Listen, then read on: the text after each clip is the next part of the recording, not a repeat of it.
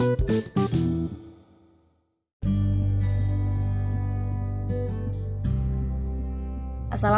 warahmatullahi wabarakatuh. Kembali lagi di episode kelima dengan pertanyaan selanjutnya yaitu jelaskan secara detail, rinci, studi kasusnya konsep tabaru pada asuransi syariah.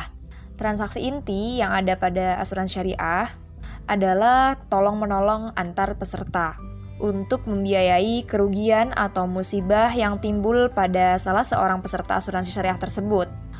Oleh karena itu, setiap premi yang dibayarkan bukan sebagai harga beli, melainkan sebagai hibah atau pemberian dari peserta kepada kelompok peserta asuransi syariah. Sehingga seluruh total premi menjadi milik kelompok asuransi peserta tersebut. Lebih detailnya, ta'awun atau pemberian premi tersebut disebut sebagai komitmen. Studi kasusnya itu biasanya Peserta pada asuransi syariah, pada saat mendaftarkan diri sebagai peserta asuransi syariah, salah, salah satu bentuk komitmennya itu atau berkomitmen untuk berderma atau berhibah, berhibah kepada kelompok peserta asuransi syariah.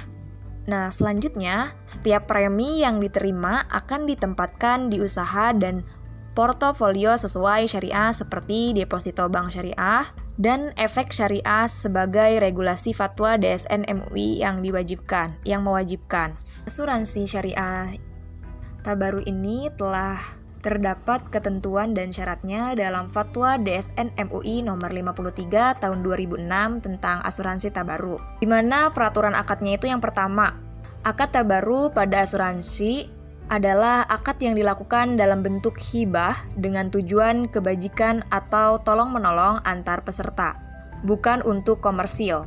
Yang kedua, dalam akad tabaru harus disebutkan sekurang-kurangnya yang pertama, hak dan kewajiban masing-masing peserta secara individu. Yang kedua, cara dan waktu pembayaran premi klaim.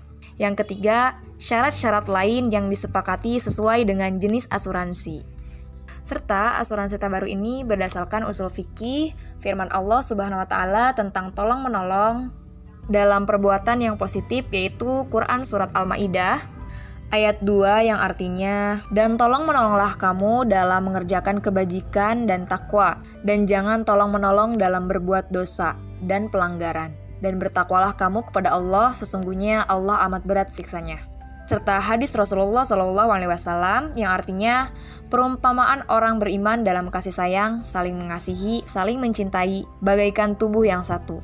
Jikalau satu bagian menderita sakit, maka bagian lain akan turut menderita.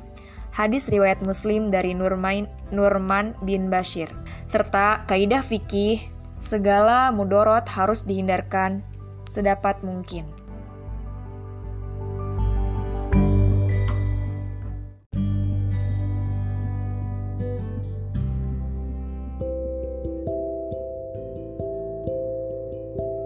Mungkin sekian jawaban yang dapat saya berikan. Kurang lebihnya mohon maaf. Wallahu a'lam bishawab. Wassalamualaikum warahmatullahi wabarakatuh.